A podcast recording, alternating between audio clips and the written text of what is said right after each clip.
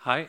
Velkommen med den nye Litteratur på blå og kveldens samtale om eh, den nye boka til professor i allmenn litteraturvitenskap Knut Stene Johansen.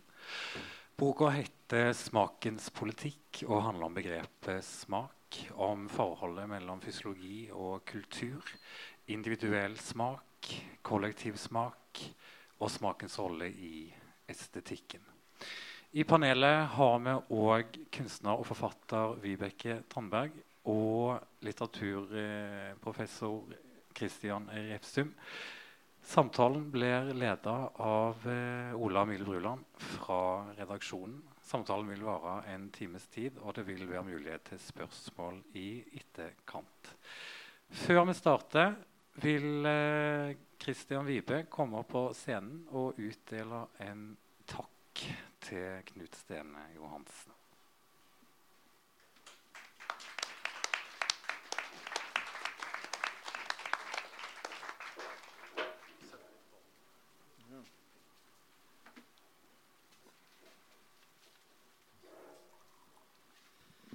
Hei. Eh, jeg heter altså Christian Vikborg Wiese og jobber som redaktør i Spartakus forlag, som er forlaget som gir ut boken til Knut.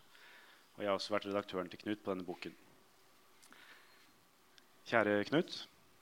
Gratulerer med bok. Jeg syns det har vært uh, utrolig givende å samarbeide med deg med, om denne boken. Uh, du er en utrolig kunnskapsrik forfatter. Men du er også en utrolig god formidler. Du skriver veldig veldig godt. Du er en god diskusjonspartner, samtalepartner. Og så syns jeg også at denne boken eh, har fått frem din humoristiske side.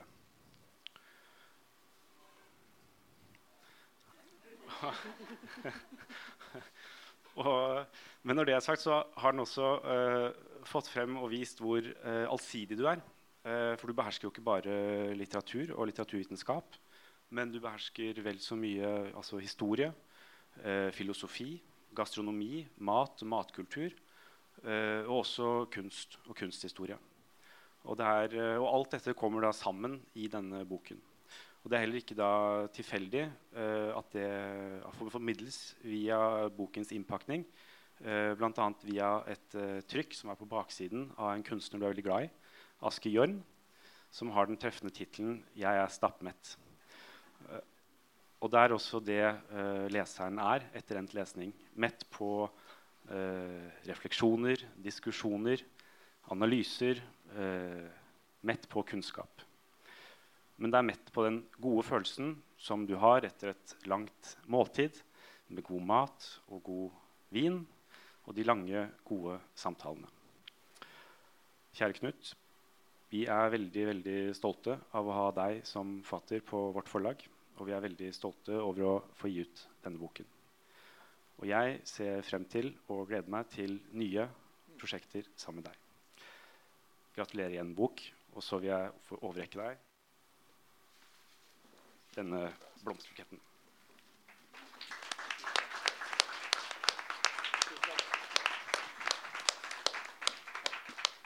Da overlater jeg ordet til eh, panelet.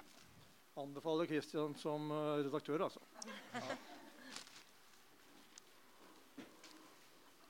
Tusen takk, Kristian.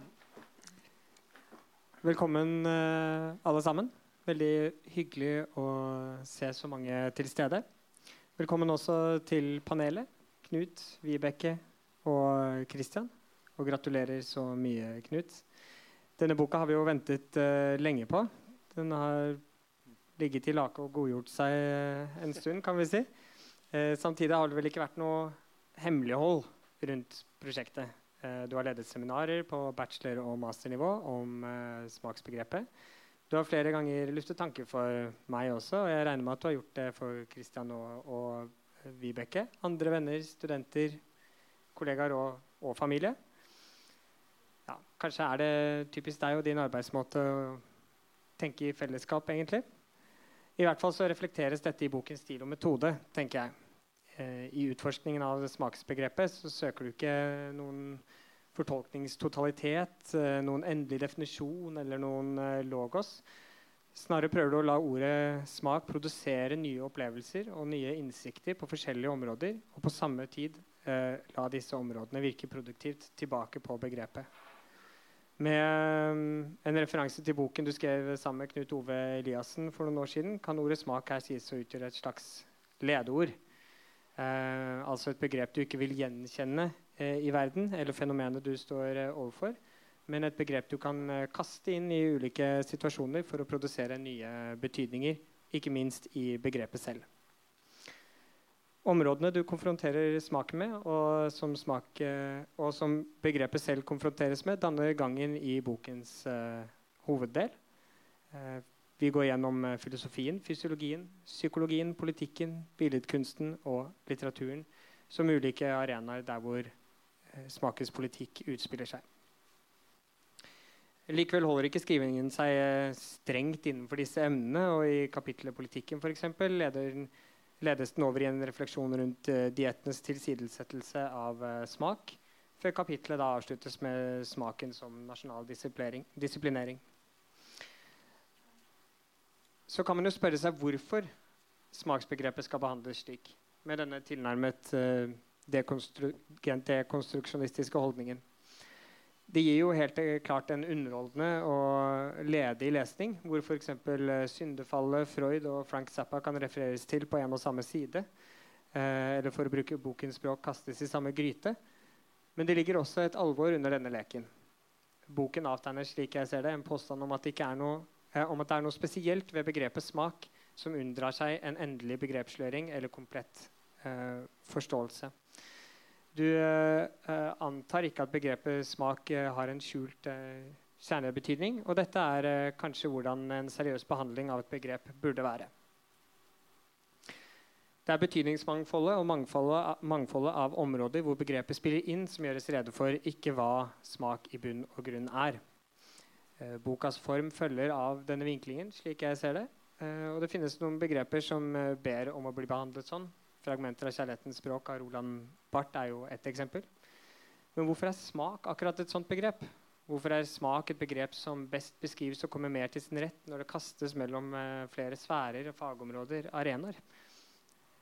Et svar kan jo være at det har noe med den fundamentale splittelsen i ordet ord å gjøre.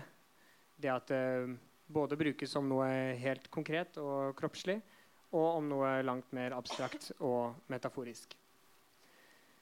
Smaksbegrepet opererer hele tiden i spenningen mellom det sanselige og det abstrakte. Og dette betyr, og her er en av de tingene jeg har innsett av å lese boka, at de to hovedbetydningene overlapper. Eh, det blir ikke riktig å tenke smak som noe rent abstrakt og helt uten en sanselig, sanselig dimensjon. Og smak er heller ikke tenkelig som noe rent sanselig, altså som noe som ikke er påvirket av sosiale, politiske og kulturelle dimensjoner. Med dette mener jeg at det er noe sanselig eh, med dette mener jeg at det er noe sanselig i alle smaksdommer. Det være seg av et maleri eller av en upassende kommentar i et familieselskap. Akkurat som det er kulturelle komponenter i alle sanselige gleder. Som det heter et sted i smakens politikk, smaken må instrueres, men smaken må også gi eh, instrukser. Eh, alt har smak på samme måte som eh, eh den som møter, også allerede har en smak.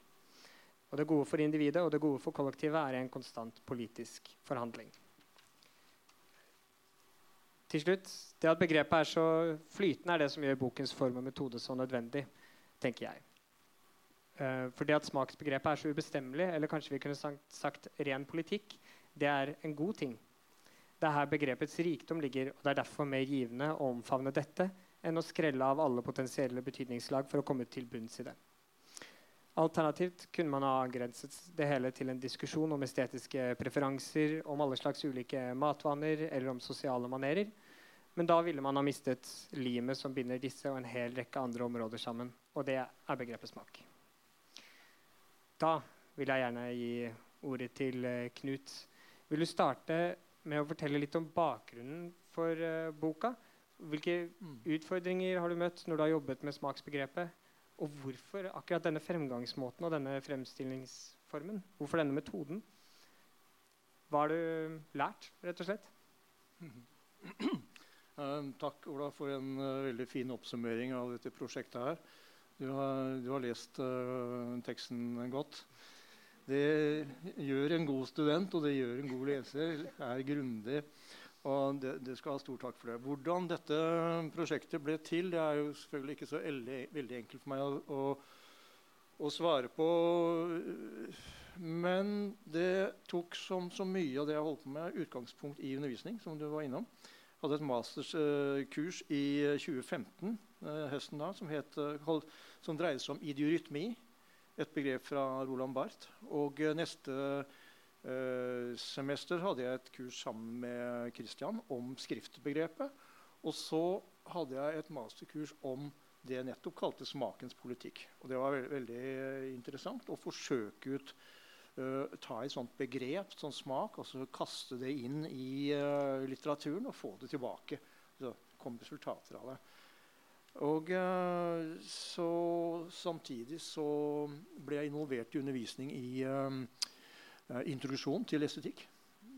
Som uh, var utfordrende. Det er noe, jeg tror det er noe av det vanskeligste studiet på, uh, hvert fall på HF. Det er intrikat teori. Kant, Hume altså Kant er i mye motstand i. Altså. og studentene blir jo veldig glad når de leser Nietzsche, som sier at Kant er en begrepskrøpling. Fantastisk frigjørende. Men samtidig så, så, er det klart at man eh, etter å ha lest Kant noen ganger, så begynner man å skjønne lyset. Begynner å se lyset, begynner å se hva det er for noe der. Og uh, en rekke andre filosofer som jeg da uh, skjønte var interessante i denne sammenhengen her, meldte seg på. De hadde så å si banka på kjøkkendøren for å komme inn. Uh, Montaigne, f.eks. Uh, kom inn og sa at 'her er jeg'. ikke sant? Det som jeg gjør, det er å lage essays. Og essay betyr jo nettopp altså, å forsøke noe, å smake på noe. Han skriver også 'smak på meg', sier, sier Montaigne. Så det var en fantastisk eh, forfatter som det var veldig moro å skrive ut fra. Men én ting var litt utslagsgivende, og det var Schiller. Schiller som er veldig, veldig påvirket av Kant og Kants frihetsfilosofi. Han har i sine estetiske brev så skriver han om den estetiske stemning som man forsøker å, å, argumentere for. Fordi den skaper rom for friheten, som det står i det 26. brevet. Men denne stemningen den skapes ikke, sier han, i et miljø hvor enhver anledning til hvile og vederkvegelse mangler. Men heller ikke i et overflodsmiljø som sparer mennesket for enhver anstrengelse. Og så sier han at det avstumpede sansemennesket når ikke fram til å formidle den estetiske stemningen. Og det er noe å tenke på. Det, det, er ikke snakk om å fylle og tilfredsstille det sanselige for å nå fram til estetiske, den estetiske uh, stemningen. Og så sier han huleboeren som tilbringer sitt liv helt alene med seg selv og aldri møter menneskeligheten utenfor seg selv, har ikke sjans. Og heller ikke nomaden, som i store flokker streifer omkring og bare er et nummer blant de mange hvem er det da som kan få fram uh, den estetiske stemningen? Plutselig så kjente jeg meg igjen i det uh, Schiller snakker om. Han sier at det er bare det mennesket som lever stille med seg selv i sin egen hytte, men også trer ut av sin dør og åpner seg for det de andre måtte ha å gi. Hva er dette, da? Jo, dette er et godt bilde på forskeren som sitter alene på sitt kontor men som, med, som, eh, bidrar eller er med på seminarer og snakker med andre. Hva er det, vi, hva er det dere kan, kan, bringe inn i dette her? Og det har vært for meg idealet. Er det uh, enslige mennesket på kontoret eller hytta, og så gå ut og uh, snakke med studenter og kolleger om, uh, om dette fantastiske stoffet som estetikken representerer. For estetikk det er for viktig til å overlate til filosofene det må vi ta uh, på alvor, mener jeg. Og jeg mener at det er et uh, sånn som uh, Schiller snakker om, at det gir en rom for frihet. Og hvor i vårt samfunn i dag fins det rom for frihet? Hvor fins det muligheter for å diskutere på kryss og tvers? Hvor man faktisk samtidig har med seg sjøl sin egen kropp og erfaring. Og så bryner det mot Uh, kunnskap hentet fra filosofi, selvfølgelig. Kant, Hume, uh, Gracian, uh, Voltaire osv. Masse å hente. Men vi kan ikke overlate sannhetsvurderingen til filosofien.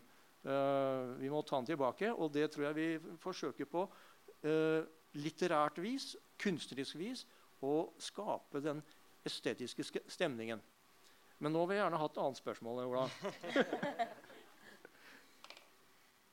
Ja, i hvert fall så bare for å kommentere det litt det du sa nå, så, så, eh, så er det merkbart det uh, i boka di at du uh, smaker deg frem.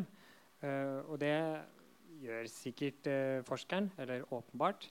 men det er ikke alltid at boka gjengir hvordan forskeren har smak, smakt seg frem.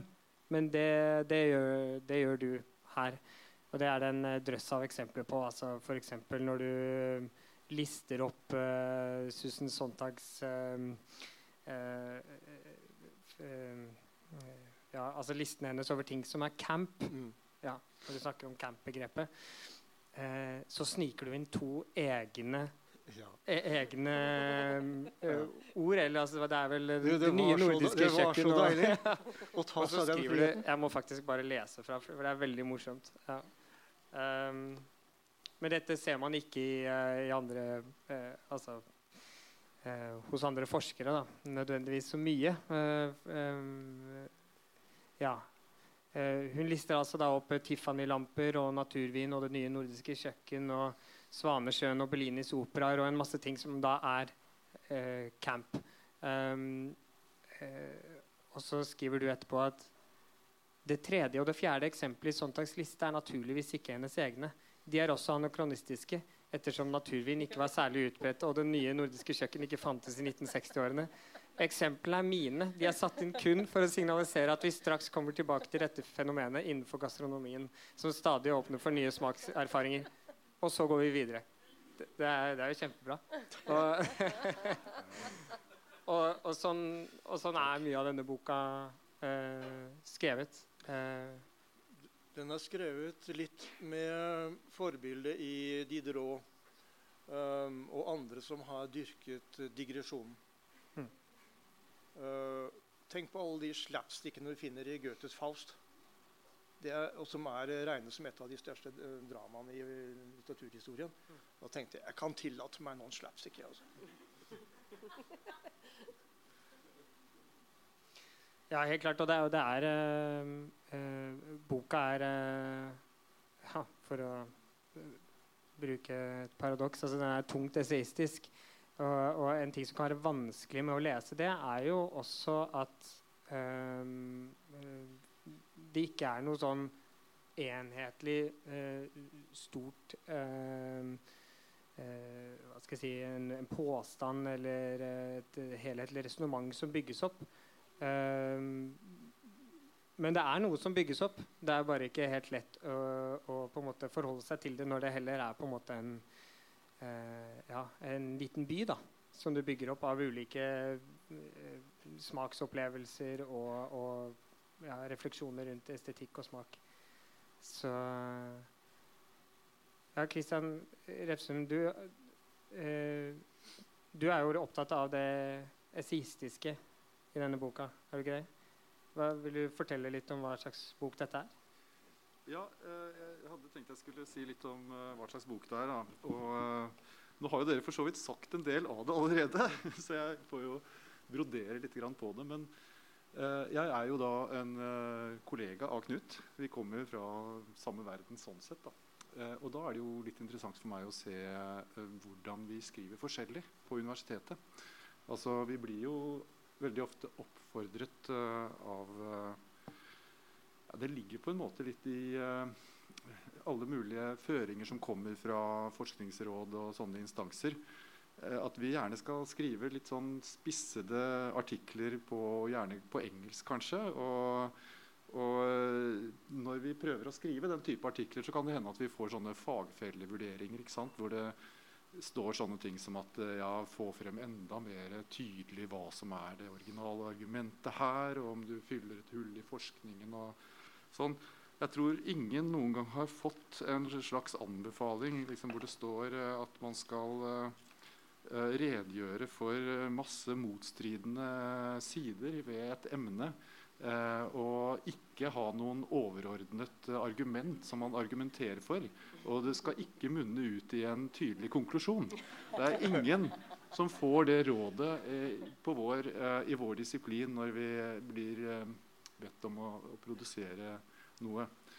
Eh, og eh, sånn sett så er det, vil jeg si at dette sånn fra mitt ståsted da, er en litt utidsmessig bok.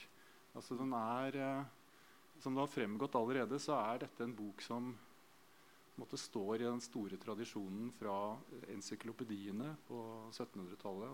Altså Alambert og Diderots encyklopedi, men også i den esaistiske tradisjonen. Da. Og bare å si litt hva, det, hva, hva, som ligger i det. Det er ikke sikkert at alle har det helt klart for seg. Men det er klart at eh, ja, i det encyklopediske så ligger det jo en ambisjon selvfølgelig om å si om ikke alt så mye. da.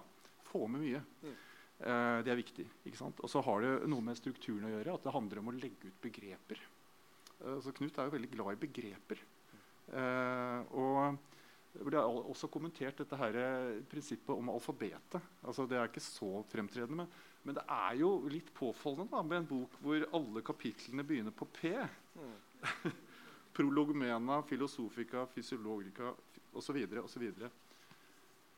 Og ja, Det kunne være interessant å spørre deg om det. da, altså, Hvorfor må alle kapitlene begynne på, på P? Du kan svare på det etterpå. Jeg kan si, bare gjøre ferdig dette med det det encyklopediske. da. Men det er klart at det har noe med på en måte, Det er system det er et system her, men det er også et element av tilfeldighet som, er, som bringer noe interessant. Som, som tydelig Knut er fascinert av. Eh, kanskje litt i tradisjonen fra Roland Barth, som skrev noen av sine bøker ut fra alfabetet. da. Jeg vet ikke, Dette kan eventuelt så, så det var, dette er bare litt om det encyklopediske. Og så er det jo dette esaistiske. Eh, og jeg synes det var veldig morsomt at Knut veldig raskt kommer til eh, Michel de Montaigne, som jo grunnlegger uh, esaistikken i 1580. Da. Og da siterer Knut en fin setning fra Montaigne. og den lyder sånn Hele frikasseen som jeg her koker sammen, er bare en registrering av mitt livs erfaringer. Altså hele frikasseen. Altså, boken er en frikassé. Uh, uh, og det er en registrering av erfaringene. DCC de ma vie. og og det er altså slik at essayisten han setter seg selv i kroppen. Han er kroppslig, fysisk situert, skriver om sine erfaringer. og hvordan den bestemte kroppen har fordøyd den åndelige føden og den føden han har tatt til seg. Uh, og jeg tror på mange måter at uh, dette er litt typisk for også Knuts bok. Uh, jeg, altså for meg så virker det jo som om du har på en måte knadd sammen veldig mye som du har holdt på med i årevis. som har gått inn i denne boken. Det er jo, jeg vet ikke, det kan du kanskje også svare på. Det er på en måte litt er et slags livsverk. da. Det er kanskje litt stort ord, men uh, det er uh, på en måte veldig mye som er gått inn i denne boken, som du har holdt på med av dine interesser. Litt mer om det eseistiske. Eh, eh, Montaigne bruker jo mange metaforer for essays. Altså, ikke bare frikassé, men han snakker om at det er en spasertur. Dette var han vel så vidt inne på. Det er også en samtale Uh, og det er jo typisk for Montaigne at han setter inn liksom sånne uh, Han skriver i vei, og så plutselig så kommer det et sitat fra Lukrets eller Cicero eller Seneca eller hvem det er. Og det er jo også liksom litt formen her. At uh, det er en samtale mellom forskjellige stemmer. så det jeg vil si, det er at Knut skriver litt utidsmessig i forhold til det man ofte forventer av en moderne Eh, eh, vitenskapelig prosa. Men det er jo eh, også en veldig det, det, betyr overhodet ikke at det ikke er aktuelt. Altså, det er jo veldig forankret i denne store tradisjonen på en veldig flott måte, syns jeg.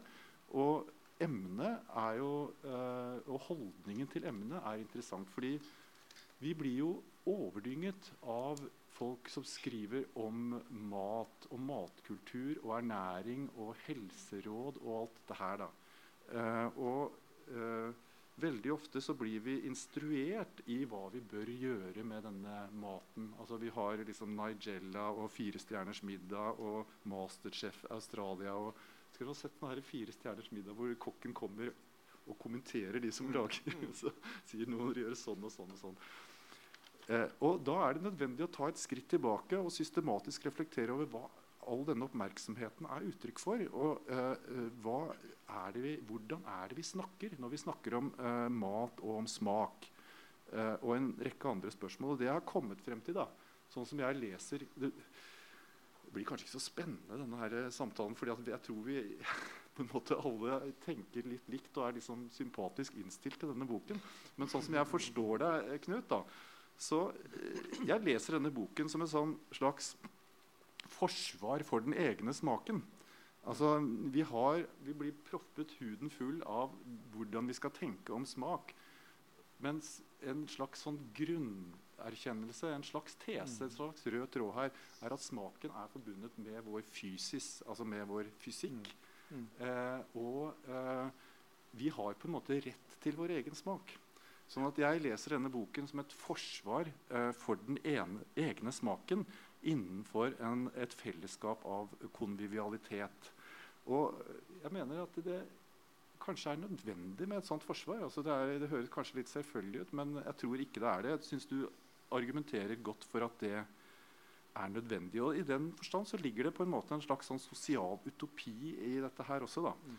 Uh, og uh, det kom jo også frem når du snakket om dette, når du snakket om frihet. Altså at det handler om eh, frihet. Og uh, at eh, estetikken jo er den disiplinen som reflekterer over forholdet mellom det helt subjektive, det vi kjenner inni munnen, og det som er vi har felles, det som kan diskuteres, og det som er på grensen til ikke å kunne diskuteres. Det er liksom de der avveiningene der som, som jeg syns du peker veldig presist på. Og, og det er jo da interessant uh, at uh, uh, Jeg har sikkert snakket altfor lenge, men jeg skal, jeg, skal, bli ferdig nå. men altså Estetikken har jo utgangspunkt i denne forbindelsen mellom smak som fysiologi og den smaken som Altså ordet smak som metafor for alle typer verdsetting. men det er helt påfallende hvordan uh, estetikerne, altså de filosofene, veldig raskt forlater uh, det konkrete. Mm. Det blir abstrakte tenkning veldig raskt med Baumgarten og med Kant og med Hegel, som gjør estetikken til kunstfilosofi osv. Så, så det, det, er faktisk veldig få som har gått inn og systematisk undersøkt denne forbindelsen mellom smak som fysikk, uh, helt konkret, og tenkningen om kunst, politikk eh, osv. Eh, sånn sett så er denne boken faktisk eh, veldig original. Det er også Siste spørsmål til Knut, kanskje. Altså, jeg har faktisk ikke lest noen bok som gjør det så systematisk. Jeg vet at det fins andre uh, engelskspråklige bøker og sånn som uh, gjør noe av det samme, men jeg har faktisk ikke sett noen som har gjort det så omfattende og grunnleggende. Da. Så ja. Ja. ja. Nei, det må innrømme at det er en uh, psykologisk utfordring å motta kritikk som, som er altså, så mye uh, komplimenter. Uh, og hvis det er noe jeg forakter hos meg selv og andre, så er det selvforgapthet. Så, men jeg skal bare først svare på at selvfølgelig så er måten min å skrive på er preget av de tenkerne og essayistene som teoretikerne som jeg har arbeidet med gjennom mange år, sånn som Deleuze, som er en begrepsfilosof, ikke en bevissthetsfilosof. Det er Barth, selvfølgelig, med det seistiske og sansen for det sensuelle. det, Han har sans for de små tekstene. Og øh, ikke minst Derrida, som jeg husker en gang sa at ja, dekonstruksjon det går ut på å ha det moro. Og det var så befriende å føle at det gikk an å skrive. For det er jo det som er på en måte påskuddet her. Det gir et tema, og så kan man skrive om det. Og så Siste filosofiske la oss si, hjørnesten er kanskje Merleau-Ponty og den enorme vekten han legger på kroppsligheten. Altså Når Han tar et oppgjør med Husserl og sier at den fenomenologiske reduksjonens uh, flotteste side er at den er uh, umulig. Fordi uh, det, kroppen og historien står i veien. Men tilbake til Og jeg syns det er veldig godt nå å komme over på la oss si, diskutere temaer. Og dette med den subjektive smaken det er interessant, for du finner altså hos Kant i 1784 denne redegjørelsen for hva, hva er opplysning was ist Aufklärung, så sier han jo dette berømte uh, latinske da, uh, sapere aude, som har alltid vært formidlet som 'våg å bruke din fornuft'. Men ser man nærmere på dette uttrykket 'sapere alde, så kan det også bety 'våg å stole på din egen smak', din egen dømmekraft. Så øh, det har kanskje vært kanskje det aller viktigste. Altså, stole på smaken, men samtidig så vil man også hos finne at opplysning er det som skal redde oss fra den selvpålagte umyndiggjøring. Øh, som han også skriver om i, det, det, den, i den teksten. Og det betyr at smaken også må informeres. Du må lære og det å gå rundt og tenke seg at 'jeg har god smak', 'vi har så fin ja, det og det', det er kanskje en liten sånn uh, villfarelse. For at uh, man trenger å vite hvorfor og hva som ligger bak av uh, forutsetninger. Altså, som Foucault ville kalt mulighetsbetingelser for, for smaken. Vibeke, um, tenkte, på, tenkte på dette uh, som, som Christian sa i stad, om, om, sosial utopi.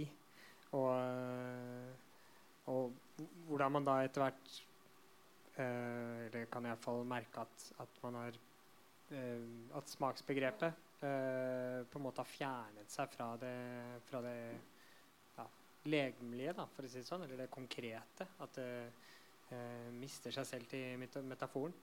Kjenner du noe igjen av uh, dette her? Det er mitt område. Det er, det, område. det, er det eneste jeg er interessert i. ja. Er når smaken mister seg selv ja. eh, eh, fysisk.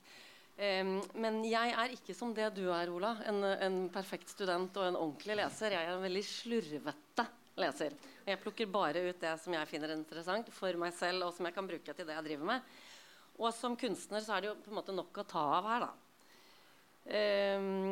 Men Kristian, når du sier at dette her er eh, at eh, Knut sin bok er et forsvar av den egne uh, smaken, så er jeg helt enig i det. Men jeg mener også at den er en retorisk finte, hele den boka. For den er et stort forsvar, eller et stort eksempel på god smak. Og det er et kompliment. Men som den slurveleseren jeg er, så har jeg på en måte bare eh, sklidd glatt forbi alle de utlegningene som er generelle og belærende. Uh, fordi at uh, de kan jeg bruke senere når jeg skal si noe selv. Så kan jeg sitere deg om på det. Så det eneste jeg har på en måte gått rett på, er, er eh, poetika. Jeg lurer på også hvorfor alle de kapitlene begynner på P. Um, men poetika eh, nei, nei, unnskyld. Uh, piktura. Nei, hva er det? Billed, billedkunsten. Piktura. Piktura. Takk. Uh, og det um, Fordi det er nærmest noe jeg tenker som en genuin smak, som en essensiell smak, som, no, som noe genuint subjektivt, som noe som ikke er formet, som ikke er det derre Roland Barth-studium, men som er ren essens, rent punktum. Eh, og jeg syns det er utrolig interessant i, i, forhold til det å være kunstner og i forhold til en kunstnerisk prosess og i forhold til det å stå overfor eh, et, noen andres kunstverk.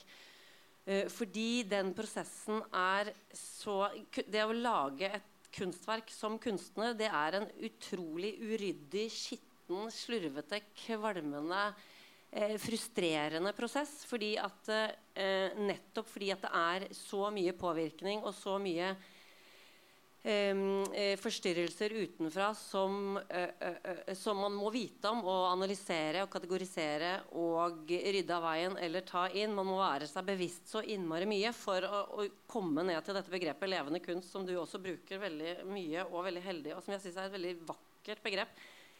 jeg kan ikke forklare, eller hvem kan forklare hva som er levende kunst, men vi vet hva den kunsten er som ikke berører. Den som ikke er levende for uh, en selv.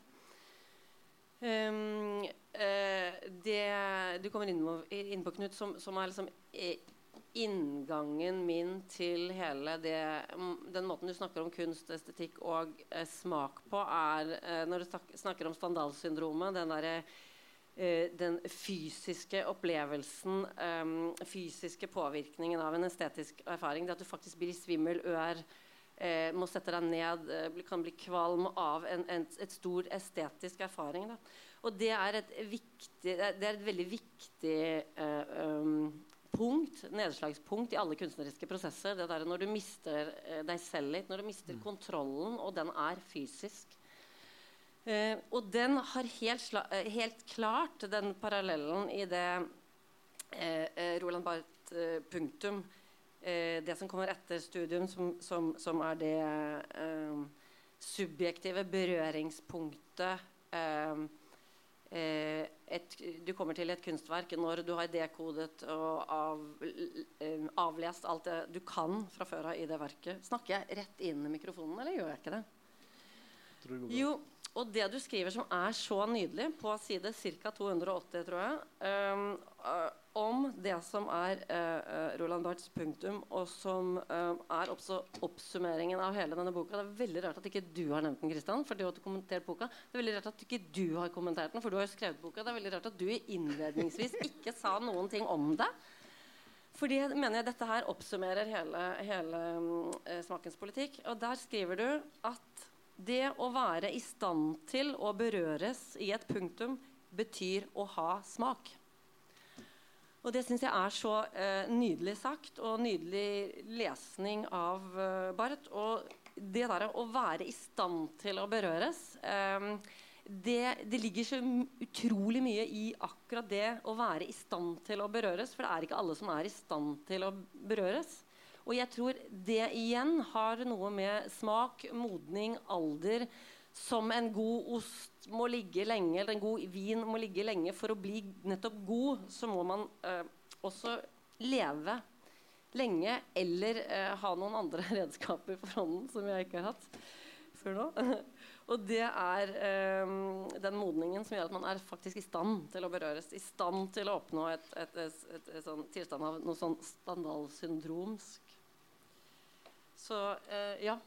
Jeg shopper hopper eh, vilt når jeg leser, eh, når jeg leser eh, verk jeg liker. Men eh, disse tingene her syns jeg er essensen i, i, i, smakens politikk, og jeg får enormt mye ut av det.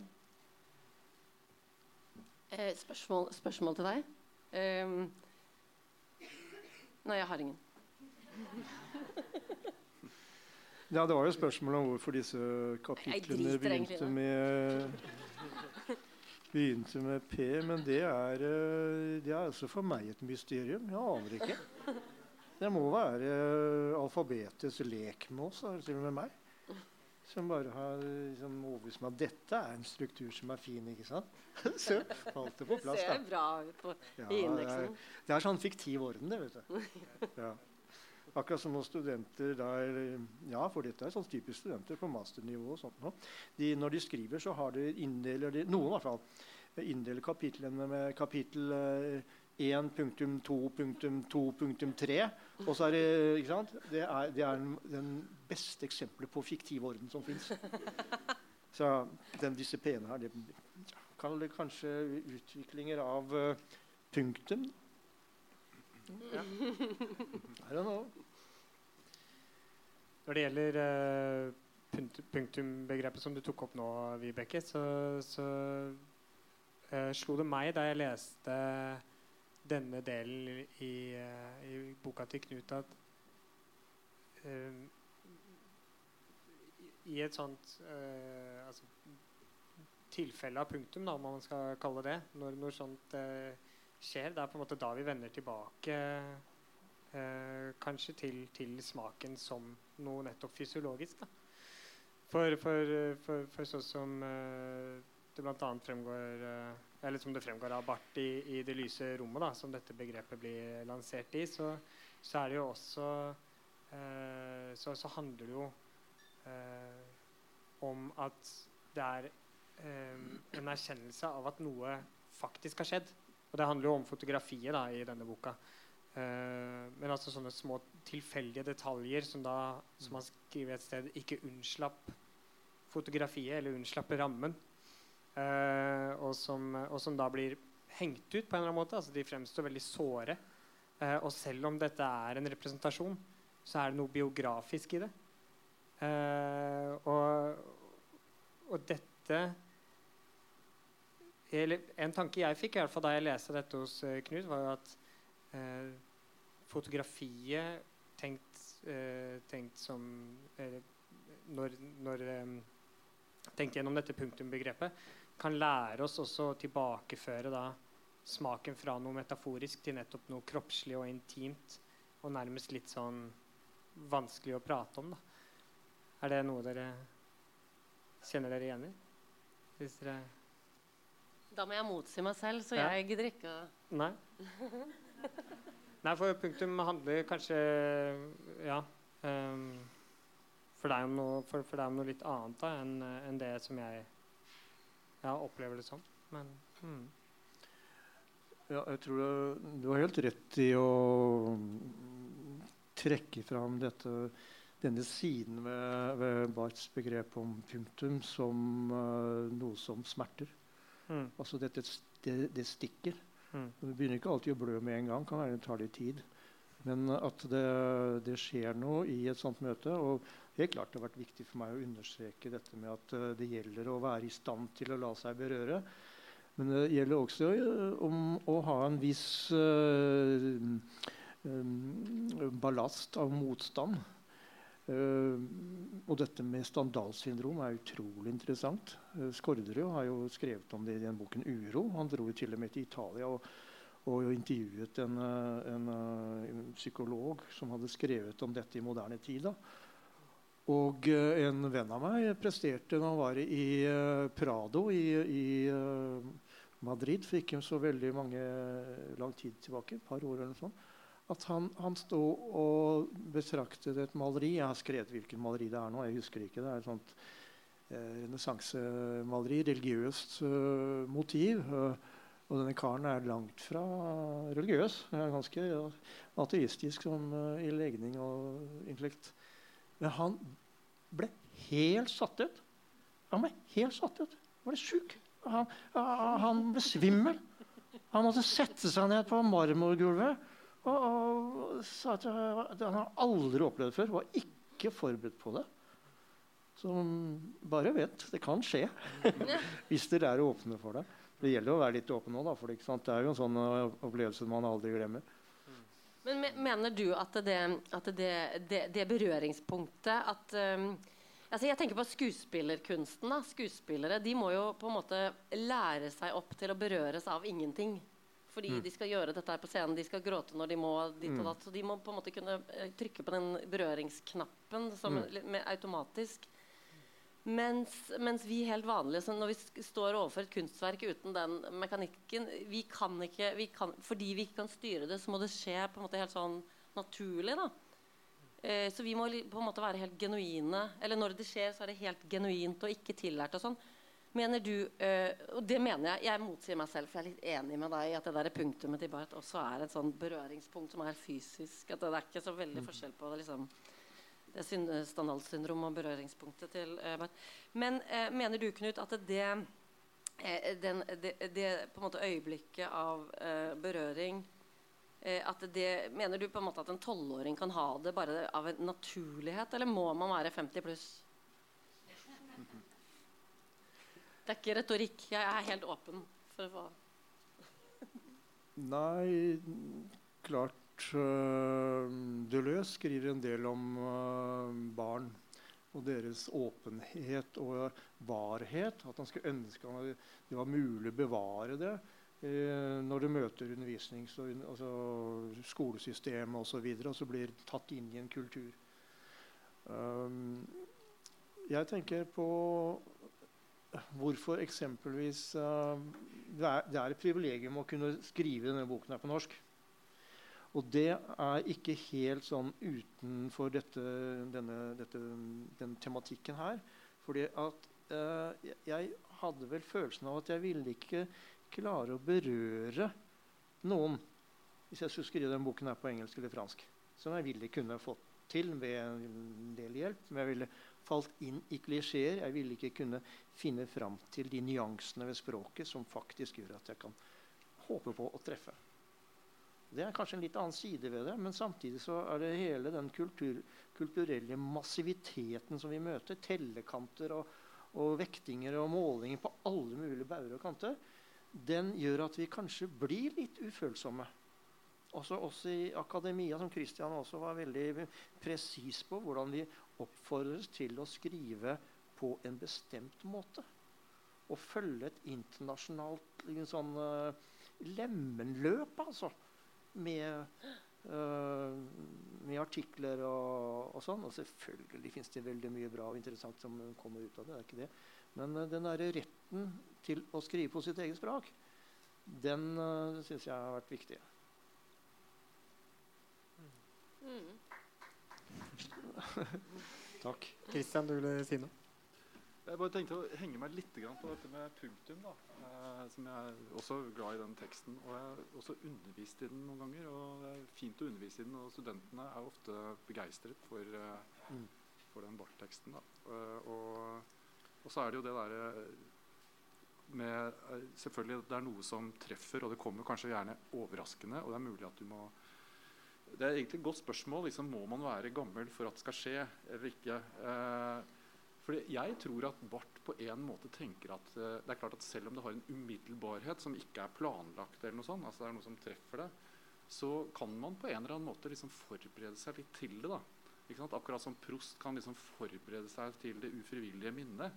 Sånn at Det er ufrivillig, det kommer umiddelbart, men han er liksom, de er på leting etter det. Og så kommer det. Uh, og, og, jeg tenker jo at i den uh, Barth-teksten så skiller han jo mellom studien og og punktum. Da, og punktum er liksom den umiddelbare eh, erfaringen. Da. Og uh, Det skillet her er jo mange som har kritisert, og det er på en måte litt sånn problematisk å holde de helt klart fra hverandre. og sånn. Men eh, det er kanskje ikke det som er poenget for Barth. For jeg tror at noe av poenget for Barth er at det ligger en slags etikk i den betoningen av punktum. Da. Helt klart at uh, for han er en slags påminnelse om ikke glem å lete etter det. Så du vet aldri helt akkurat når det kommer, eller hvilke tekster som treffer deg, og hvilke som treffer meg. Men eh, vær obs på at du må lete etter det.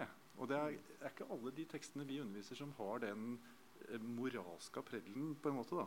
Hvis man kan si det sånn. at en, etikk er kanskje, en etikk er mye riktigere å si enn en moral. Men, men grunnen til at jeg kanskje syns det er litt interessant her, er jo fordi da åpner det seg et stort, vanskelig felt, nemlig smak og etikk. Mm. Og det er vel egentlig noe som er et veldig vesentlig poeng i boka di, men som du nok vegrer deg veldig for å si noe bombastisk om. Kunne du si noe om det? Ja, jeg vegrer meg alltid for å si noe bombastisk. Jeg vil veldig gjerne ha det montenske utprøvende. Og la ting heller være uavklart enn å være uh, klart i den betydningen at det er avklart og ferdig. Um, I filosofiteksten jeg har uh, undersøkt, så er det én kvinnelig forfatter jeg veldig gjerne vil nevne. Og hun uh, tok jeg med fordi i den svære encyklopedien til Diderot og d'Alembert, som ble starta i 1751 og avslutta i 1772, og som er verdens mest berømte leksikon noensinne, så er det bare mannlige forfattere. Men uh, det er én Selvfølgelig er det veldig mange salongkvinner som, som opererer i, i, i, skyggene her, og som bestemmer hva uh, ektemennene deres skal si og, og skrive om. Uh, men det er en som da var et samboer med Voltaire i over 15 år, og som i sin samtid ble kalt for uh, en kvinnelig Newton. Hun heter Emilie du Châtelet og skriver uh, matematikk om matematikk, fysikk, filosofi Og hun har også en flott liten tekst om lykke. Lykke var et veldig altså, Man var veldig interessert i begrepet lykke også på 1700-tallet. Og der sier hun at ja, du bebreider deg selv for å være gastronom. Det skal du ikke, for det gir opphav til uendelige perspektiver av lykke. Da tenkte jeg at Emily, du er, du er min kvinne, altså. Du er min, min helt. Jeg hadde, sånn, jeg hadde så, et sånt øyeblikk eh, Jeg var i 20-åra. Eh, og så var jeg helt sånn monoman. Jeg bare jobbet og jobbet og jobbet. Eh, og var veldig lite opptatt av hva jeg spiste. Eh, og så hadde jeg en eh, venninne som var liksom litt forut for det som nå er trenden, å være matsnobb. Og så hun kunne liksom koke, nei, steke kamskjell og gjøre sånne ting med kamskjell som alle kan med kamskjell nå. Og alle sånne andre ting. Og så var det sånn, holdt på med sånn jævla mye kamskjell, og jeg var på middag. Og så var det sånn Ja, ja, og så skulle vi skryte veldig med den maten, og så var jeg så dritlei, Så jeg bare Mat er mat. Så var, mitt kompliment til henne var mat er mat. Det var jo bare en knyttneve i trynet på henne. Det har jeg fått eh, i retur så mange ganger. Eh, men hvis man på en måte skal liksom, stå fast ved det, da, at mat er mat Og der, Du er jo en matsnobb, Knut, men du har jo veldig mange ganger i denne boken her kommet med veldig dårlige matforslag. Det er, ikke, det er jo ikke alt her som høres godt ut. Altså, det er jo mye dritt her. Det er så mye sånn der, liksom, liksom skal være enkelt, men som ser helt pyton ut. For eksempel? Ja, nei, Det husker jeg ikke. Men det er bare å lese den om igjen, og så finner du det selv. altså, Dette er ikke noe kokebok, altså. Det har nei, for det er jo, det jeg har jo måte... gitt ut et par kokebøker, og var, der håper jeg ikke du finner den, den greia.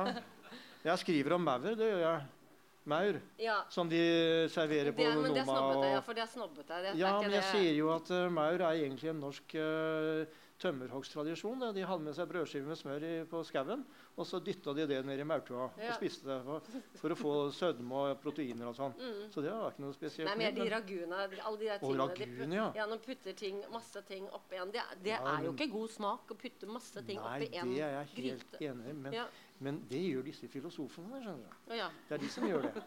Og jeg syns det er helt fantastisk når Dubos uh, snakker om ragun som uh, Vi vet når den er god. Vi trenger ikke å kjenne til, uh, til oppskriften og reglene. Vi bare veit når dette er godt. Og sånn er det, sier han, med, med kunsten og litteraturen også. Mm, jeg, jeg, skjønner, jeg kommer ingen vei. Jeg, det er ikke noe forskjell. jeg klarer ikke å forsvare det mat er mat ennå. Fremdeles. Jeg klarer det ikke. Men, men, men, men, men som en metafor, da, mat er mat, som en metafor, ja. så kan man jo si at det, det, er, det, er, viktig å på en måte fokusere hva er viktig, og hva er ikke viktig. Ja. Um, og da, er, da, kan man jo si at, at um, det er viktig å vite når når på en måte, ja, alt det der, når melk er sur, for da blir du det er viktig, Smaken er viktig, alle de der fysiologiske for ikke å bli forgiftet og sånn. Mm. Men det er jo viktig også å skille mellom viktigheten av å kunne se et hva som er et godt kunstverk, og hva som er en god vin. Og der mener jeg det er viktigere å kunne skille estetisk på, på verk og, og, og, sånn i verden enn f.eks. der å vite hva som er en god vin og ikke god vin. Dette er, er en brannfakkel i ditt liv å si sånne ting? Eller er det at det er like Nei, altså, viktig? Det kan føre over til uh, Hvis du sitter på en konsertsal og, på, ja, i en konsertsal og hører på eksempelvis uh, Maler. da, mm. Fantastisk, ikke sant? Og så ringer eh, brannalarmen. Så spør jeg hvilken lyd er viktigst da. Det er ikke noe tvil om det. Så du er innom det at eh, av og til så er mat mat.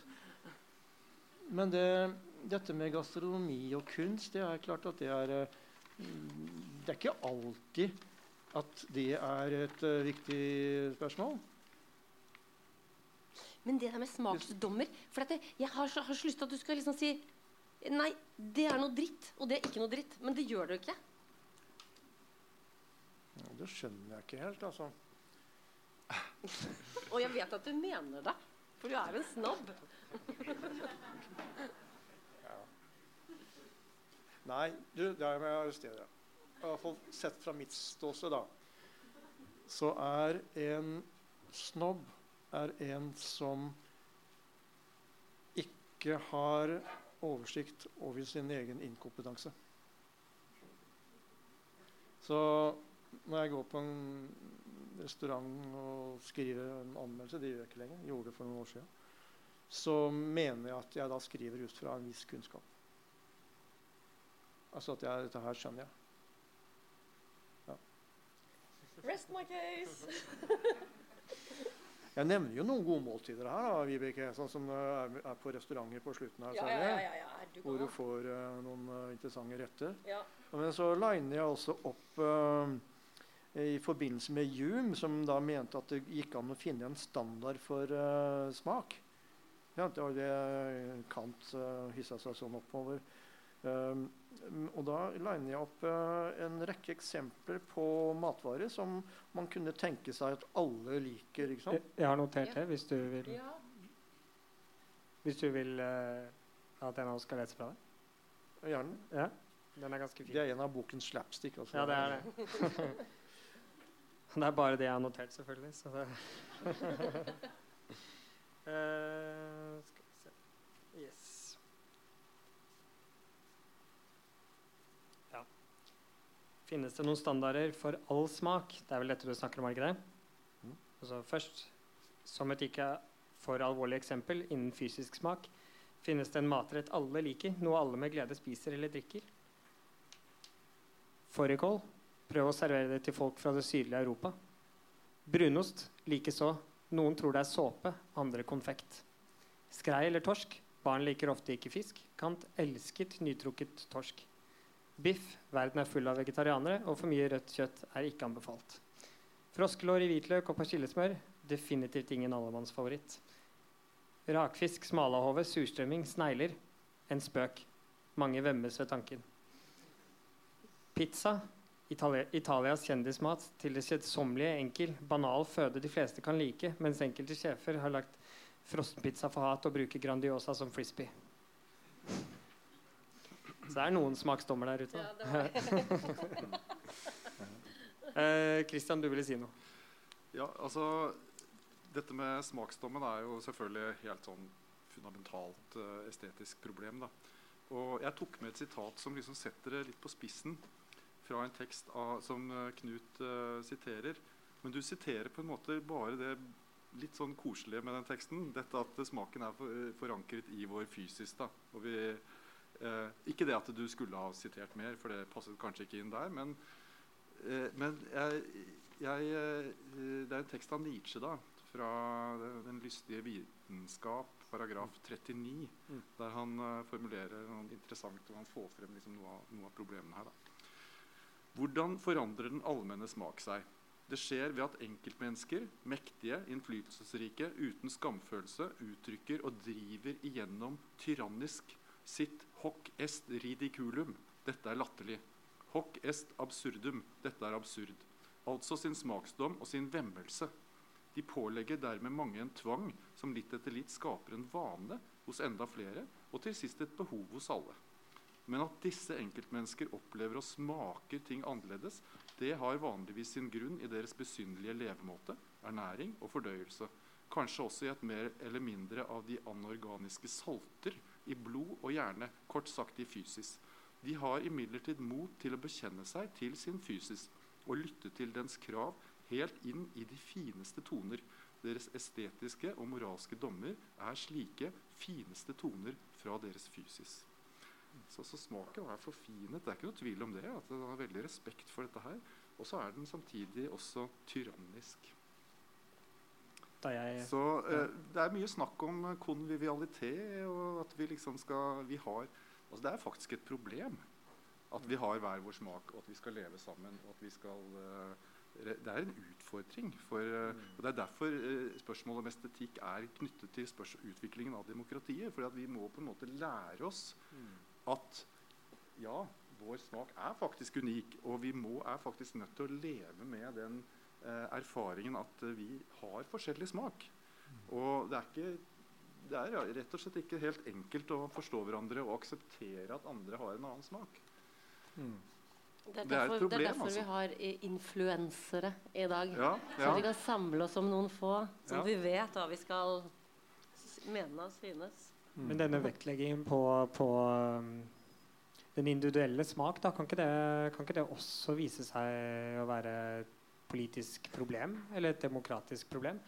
Eh, eller i hvert fall da føre til farlig politikk. Jeg tenker at eh, det er lett å på en måte henfalle til frasen eh, Nei takk, dette, like, dette, er ikke noe for meg. Um, og så kan det trenger det på en måte ikke å utdypes, eller det blir en sånn ligger en ansvarsfraskrivelse der. Mm. For, den, for det I hvert fall um, sånn som jeg opplever det, så er det lettere når det kommer til individuell smak, å på en måte slippe å forklare seg da, enn det det gjør hvis du, hvis du snakker om den gode smak som noe høyere og mer metaforisk.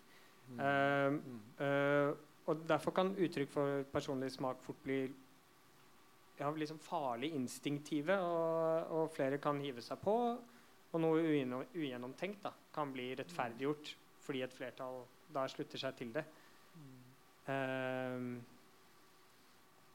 ja, vi har nok uh, eksempler på at, uh, på at bevegelser som har vært impulsive, har vært farlige. Da. Og mm. ja, en trussel mot demokratiet. Så den, så den, vektleggingen på subjektiv smak er jo selvfølgelig Den har jo noen konsekvenser. da. Mm. Noe, et ansvar. Mm. Også for å kunne formulere eh, Eller ja, svare for seg. Svare for sin mm. subjektive smak òg. Mm.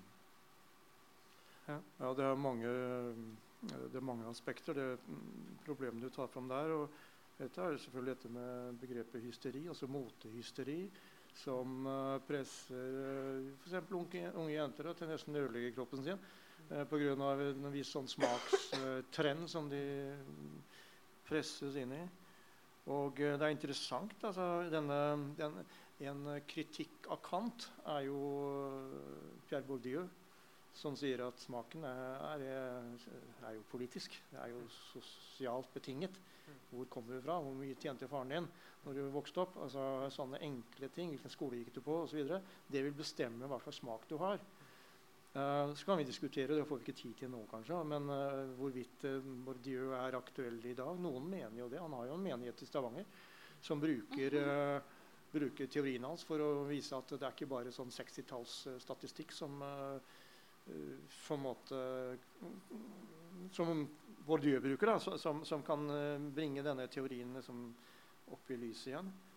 Men um, akkurat dette med smak og politikk det begynner jo som har, Dette kapitlet 'Politica' det, Der nevner jeg innledningsvis den franske filosofen Luc uh, Ferry, som i en avhandling som heter uh, 'Homo esteticus', oppfinnelsen av smaken i den demokratiske tidsalder så, så diskuterer jo han hvordan eh, smaken på, på 1700-tallet Når den da ble individuell, så var det samtidig med at demokratiet fikk feste.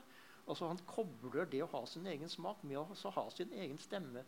Eh, altså stemmerett eller mulighet til å kunne bedømme da, det politiske. Og etter hvert så ble systemet slik at uh, man faktisk, faktisk, fikk stemmerett. Fikk uh, gi uttrykk for sin uh, politiske smak. Mm. Så, men det er et stort uh, felt, det du trekker inn her med, med at smak kan være politisk uh, på en negativ måte. Det er klart. Mm. Vi nærmer oss uh, avslutningen her nå. Um, hvis ikke dere brenner inne med noe nå, så, så vil jeg gjerne ta opp ja, ta opp et lite problem helt til slutt. Hvis det er greit? Um, og det gjelder noe som vi var inne på akkurat uh, egentlig, um, nemlig gastronomi som, som kunst. da. Uh, for, for, for, du skriver jo litt om det, og noen ganger så refererer du til, uh, til tenkere som, som, tar det for gitt at det er en kunstform. Men jeg, men jeg vil jo si at det har ikke noen sånn eh, selvklar plass i estetikken i dag. Det har vel ikke gastronomien. Um, og så må vi jo på en måte spørre oss hvordan vi kan forsvare det. da, Og i, i hvert fall forklare. Um, og det, det, var, det, var, et punkt hos uh, denne fyren som jeg ikke kan uttale navnet på, men som uh, skrev 'Smakens fysiologi'. Bri, Bria. Bria Savara. Ja, nettopp. Han lister opp uh, noen argumenter for at smakssansen er den av sansene som bringer oss flest nytelser. Og da skriver han at uh, det er fordi at den tilhører alle tider og tidspunkter, alle alderstrinn mm. og livsvilkår. Og så kan man jo spørre seg da er grunnen til at dette da uh, Altså at gastronomien, eller mat, da, ikke, ikke, er en kunstform, er det at vi eksponeres for, uh, for mye til den. Um, at vi um, også kanskje er for mange, og at det er, for, er, det er på tvers av alder og klasse som da deler erfaringen av mat. Og så kan man jo si også på den andre siden at hvilke sanser eksponeres ikke til alle tider, uansett alder og livsvilkår. Uh, musikk f.eks. lages jo kan man si, uh, ut av lyd ved hjelp av de samme grunnprinsippene, kombinering og konsentrering. Så Ja. Hvorfor er spørsmålet hvorfor uh, uh, Eller hvilke, hvilke ja, Hvordan kan man forsvare at gastronomi ikke er en kunstform? Det er liksom spørsmålet mitt til slutt har det noe med at det er, eh, at det er nesten noe At det er det eneste vi kanskje putter inni oss av ting som eventuelt kunne vært kunst. Det blir til bæsj. Ja, ikke sant? Nettopp. Altså, det, det, er nærmest noe sånn seksuelt over det. da. At det blir for kroppslig. Ja. Christian? Altså, ja, det er jo noe med at det forsvinner i det øyeblikk du har puttet i munnen. Ja. Altså, jeg tenker, Når man leser estetikk, så er det jo veldig mange eksempler fra billedkunst, skulptur og maleri. ikke sant? Fordi at det kan du etterprøve. Du kan se på det etterpå. Og, og det er litteratur som du kan lese. Og, og, så er det musikk. Da kan du studere notene. ikke sant? Ja. Men alt som er litt flyktig, jo, har ofte det er en tendens til at det som er flyktig, har en mindre plass i estetikken. Tror jeg. Det er min teori. Og særlig når det gjelder mat, så er det, så er det borte når du har spist det. Du kan ikke etterprøves. Det tror jeg er en grunn. Men, uh, Men er det ikke akkurat dette performance-estetikken betoner, da? Øyeblikket som, mm. som er borte i neste øyeblikk? Du kan si at i, i 20. århundre så har man fått en oppvurdering av og Da er det skrevet en del om dette. Uh, dette da. Men uh, jeg tror det er et problem for estetikken uh, å behandle det flyktige. Det, det, kommer jo mer og mer sant, fra 1800-tallet særlig og, og fremover. Før du sier noe. For det, for det, altså mat eh, Det fins f.eks. Rirkrit Revanija var en kunstner som på 90-tallet gjorde eh, gjorde mat, eh, matlaging og eh, eh, måltidet som begivenhet om til kunstverk. Han, I den estetikken eh, som kalles relasjonell estetikk, som var en type mm. samhandlende, eh, inviterende. Takk. Kunstform. Og som kanskje ikke handlet da om gastronomi, men om det sosiale rundt maten. Men så har du en annen kunstner fra Manzoni fra 60-tallet som faktisk hermetiserte sin egen avføring. Så da igjen liksom mat eh, som, som, faktisk et faktisk kunstobjekt. Uh, så jeg vet ikke om jeg er helt enig med deg. at ikke det har vært, Og i alle verdens stilleben, liksom. Altså, mm. Er ikke det mat, gastronomi, som estetikk? Verdens første um, tegninger eller malerier var malerier over mat. I uh, disse grottene. I, uh, i Lascaux-grotten og steinalderen. Det var mat i tegna og dyra de skulle leve av. Um, Frankrike er jo et land hvor gastronomien eh, lenge har vært uh, veldig anerkjent som en uh, estetisk gren. Når du spør store, kjente kokker om hva de syns, så sier de litt sånn henslengt at jeg, nei, dette er bare et håndverk. Men det gjør uh, faktisk gode fiolinister og komponister også. De sier at det er håndverk. Så um, tenkte jeg skulle referere en maler jeg har vært interessert meg for, som heter Asker Jorn. Han skriver i 1948 så skriver han da det ligget sådan at i et kapittel om matkunst i en bok som heter uh, 'Magi og skjønne kunster', så skriver han da det ligger sådan at det ikke kan lade seg gjøre at skape en åndelig eller metafysisk matkunst, har vårt samfunn i det store Eh, store hele efterhånden oppgitt at henregner matkunsten til det egentlige kunstarter i skjønne kunstner, og i mer eller mindre grad solgt matkunsten til vitenskapens administrasjon. Jeg syns det er ganske forutseende sagt i 48. For uh, hvis det er noe som uh, har tatt over uh, smakspolitikken, så er det jo matindustrien som bestemmer hva du skal like osv. Mens dette med at matkunsten ikke kan gjøre metafysisk og åndelig, det er at det er grunnen til at det ikke innregnes i eh, blant de, de, høye kunstartene, det er noe til ettertanke. da. Og, for jeg er ikke helt sikker på om jeg er enig i dette at uh, de andre kunstartene først og fremst er åndelige og, uh, um, og metafysiske. Nei, jeg syns heller ikke det. Hvis jeg ga inntrykk av det. Men møtet med et, eh, et, eh, stort måltid laget av eh, kompetente mennesker, det er noe som man ikke glemmer. Og det er noe som der og da er stort. Men jeg vil gjerne sitere uh, kanskje denne, det morsomste sitatet jeg fant i dette prosjektet her. Det var som følger det finnes ingen situasjon hvor sanselighet og forstand forent i én nytelse kan bli forlenget så mye og så ofte med velbehag som et godt måltid i godt selskap. Hvem har skrevet det? Rabelais? Nei. Immanuel Kant. Kant. Kant ja. Mm. Så Kant hadde sine sider. Det er helt riktig at han var veldig glad i uh, nytrukken torsk. Det er helt stemmer, det. Det kan du lese om i en biografi over ham. Og han var veldig glad i å ha selskap. Så han fikk tjeneren sin hvis han ikke hadde nok rundt bordet, til å gå ut på gata og hente inn folk som kunne, kunne delta i måltidet. Da er det også veldig interessant sant, at Kant er en av de som eh, skiller ut uh, gastronomien mm. som ikke gjenstand for dømmekraften. Mm. Mens Hume, for, hos, hos Hume, når han skriver om the standards of taste, så er jo vinsmaking er same business som når du diskuterer bøker, litteratur. Men for Kant så er det helt forskjellige ting. altså. Så han skiller ut der, men han setter maten veldig høyt. i Og Bria Savarin har et oppgjør med Kant i sin bok 'Smakens fysiologi', hvor han mener at uh, Kant har feil, som mener at smaken ikke kan innregnes som kunstart fordi den er refleksiv. Da sier Bria Savarin ta prøv et glass champagne. Først så treffer den tungespissen. Så går sjampanjen videre inn i svelget og ned i munnen. Og så reflekterer man over smaken. Det var hans svar. Kanskje ikke så filosofisk. Mer praktisk, uh, teoretisk, kanskje. Ja. Det er jo uansett litt ironisk at smak er et ord vi bruker om, uh, om alle kunstformer, egentlig. Uh, uten at den da uh, bokstavelige og fysiologiske betydningen umiddelbart assosierer til inntaket av kunst. Da. Det kan vi jo slå fast i hvert fall. Det er rett.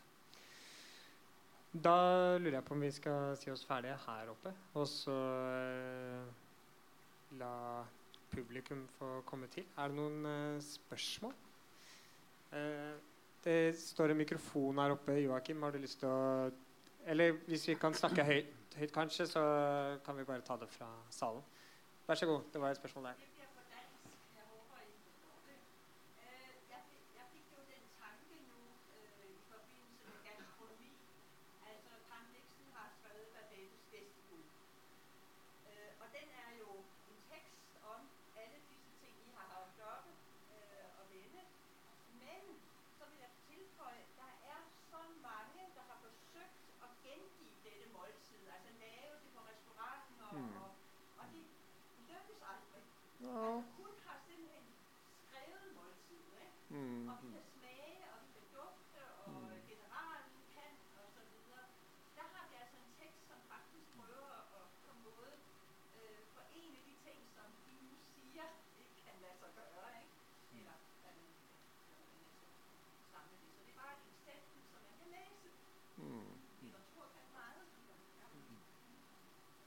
Jeg har vært på et helt fantastisk måltid i tivoli uh, København. Uh, han het, kokken het Paul et eller annet. Han hadde én stjerne der i den restauranten. Og hele crewet fra filmatiseringen av uh, Babes gjestebud var til stede. Og det var, uh, men det er klart, jeg er helt enig i at det er noe annet, å ha teksten. Men heldigvis så har jeg med meg menyen fra den, uh, det måltidet. Ja. ja.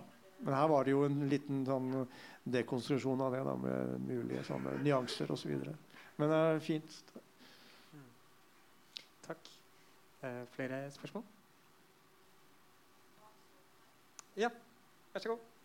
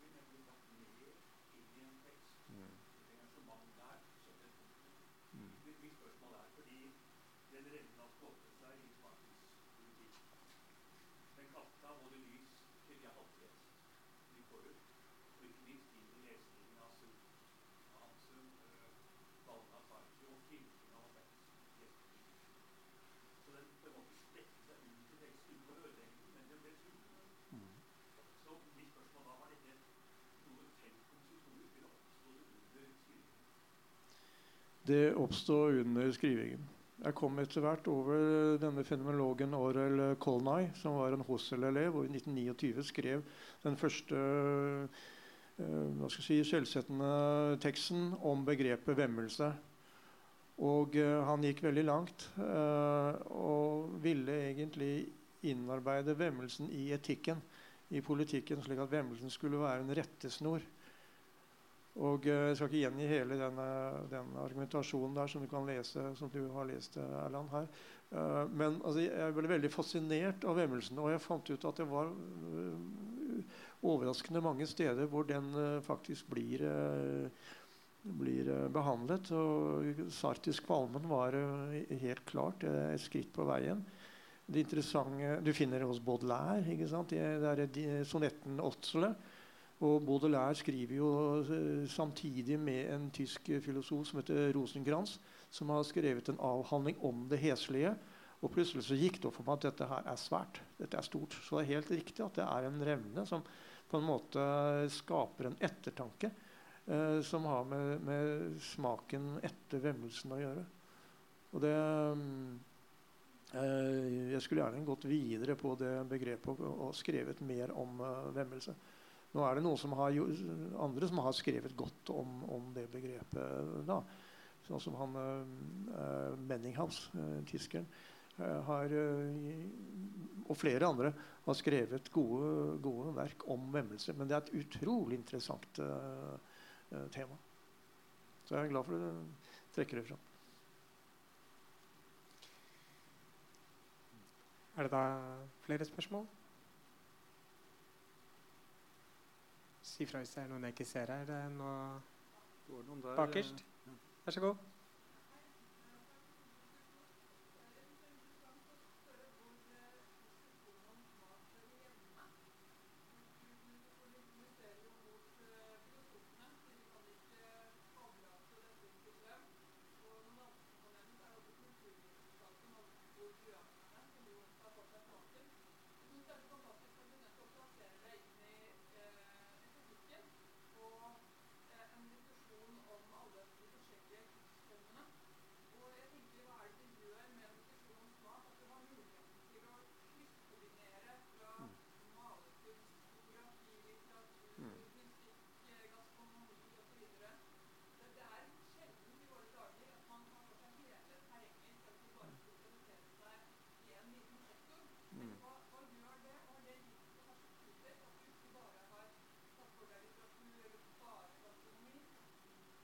er, det er fordi at uh, jeg har innsett hvor viktig uh, faget estetikk er. da. Og hvorfor jeg altså, polemiserer litt da, og sier at en skal ikke overlate det til filosofene, det er fordi at på universitetet så har, er det liksom filosofisk behandling av estetikk som har vært det gangbare. Mens uh, estetikk sett fra, fra, fra litterært, uh, billedmessig eller musikkmessig ståsted har ikke vært tatt så veldig alvorlig. Uh, vi har et veldig fint initiativ på Blindern som heter Estetisk seminar, som, som er veldig bredt anlagt. Og så har vi dette um, fagtilbudet i estetikk. Og det har vært, for meg så har det vært sånn veldig viktig å se på de ulike bidragene inn i feltet. Og ikke bare holde meg til f.eks. til litteraturen, som kanskje hadde vært mer uh, Skal jeg si uh, uh, Kanskje vært et, på en måte et, et lettere valg. Men det er også selvfølgelig snakk om lyst til å skrive. Lyst til å trekke inn egne erfaringer og sånt, noe som har sneket seg inn her. Altså. Mm. Takk. Det var ett spørsmål eh, til, ser jeg. Vær så god.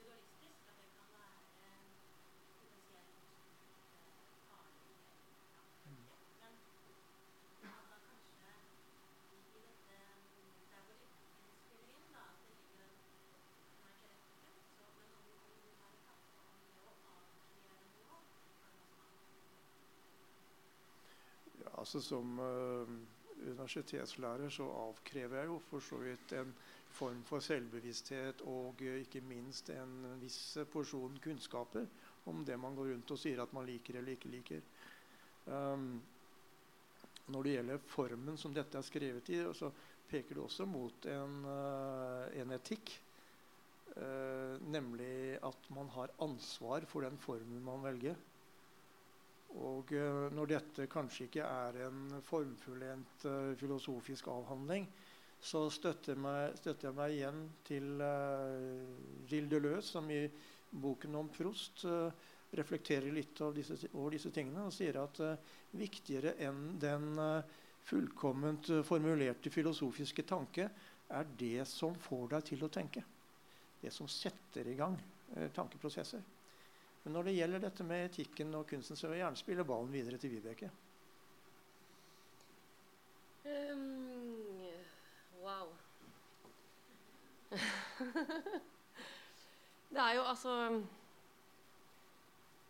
det er jo, liksom, Kunstens oppgave er jo på en måte å kanskje eh, nettopp eh, bryte alle mulige former for um, konsensus. Um, etiske, normative um, regler. Altså jeg tenker at kunstens område er, er, er, er kunstens mandat, da, hvis det er noe, er er liksom fritatt den måten å tenke på. Det som er irriterende, er at smaken i alle mulige Og det er litt inne på det med smak og farlig og Det individualiserte smaken er farlig for måte fagområder og sånn. Og demokrati og Eller det var det, det var det, det ikke var farlig for demokratiet. Det kan jeg ikke skjønne.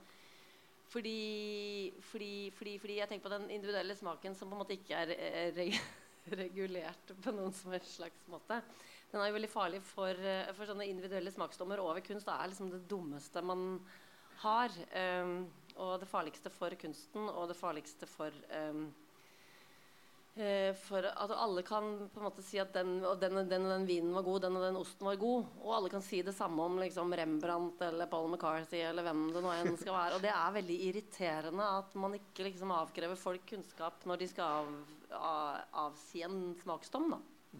Så det etisk problematiske ved smaksdommer er kanskje at de blir for individuelle. etter mitt syn. Er det et kommunistisk utsagn?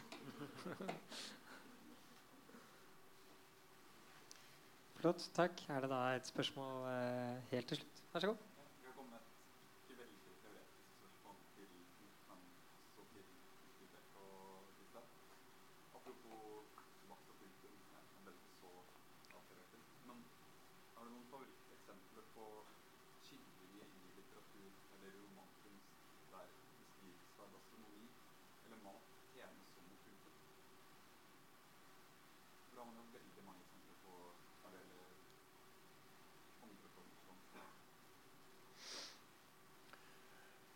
Jeg blir veldig grepet av uh, bryllupsmåltidet i uh, Madame Bovary av Flaubert. Den enormt underliggende ironiske framstillingen av et, uh, en svær buffé som da Jacques og Emma skal ha sine gjester til å hygge seg med. Og så står det helt innledningsvis noe som rammer inn hele i uh, Flauberts uforlignelige uh, ironi. Nemlig at det dekkes på i vognskjulet på gården. Der skal bryllupsmåltider eh, skje. Og det, det, griper meg, fordi det er, det er skjebnen til disse to som gifter seg, som blir da Eh, på en måte sett på i en sånn eh, et frampeik, som det heter på norsk. Og det, det, er gripende. Selvfølgelig så er det andre måltider som man kunne nevne som er utsøkte.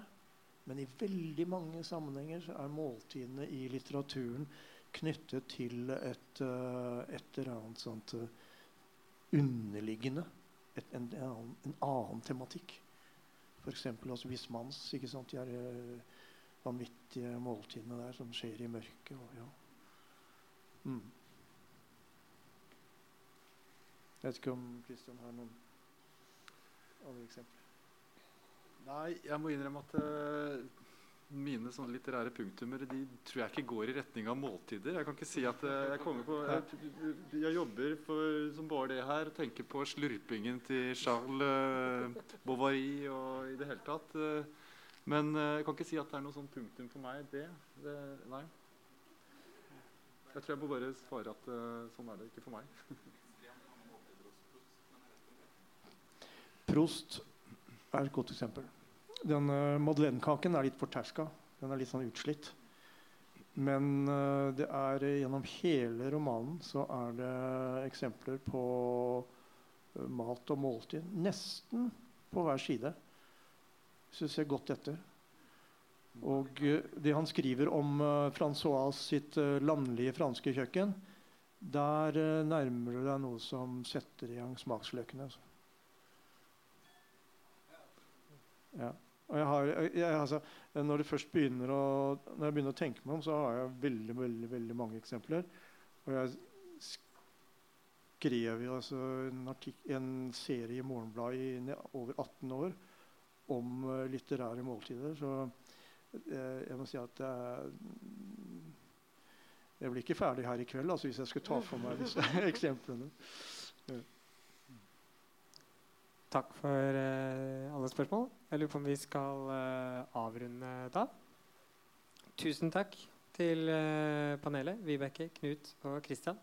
Og tusen takk til dere som møtte opp for å høre på.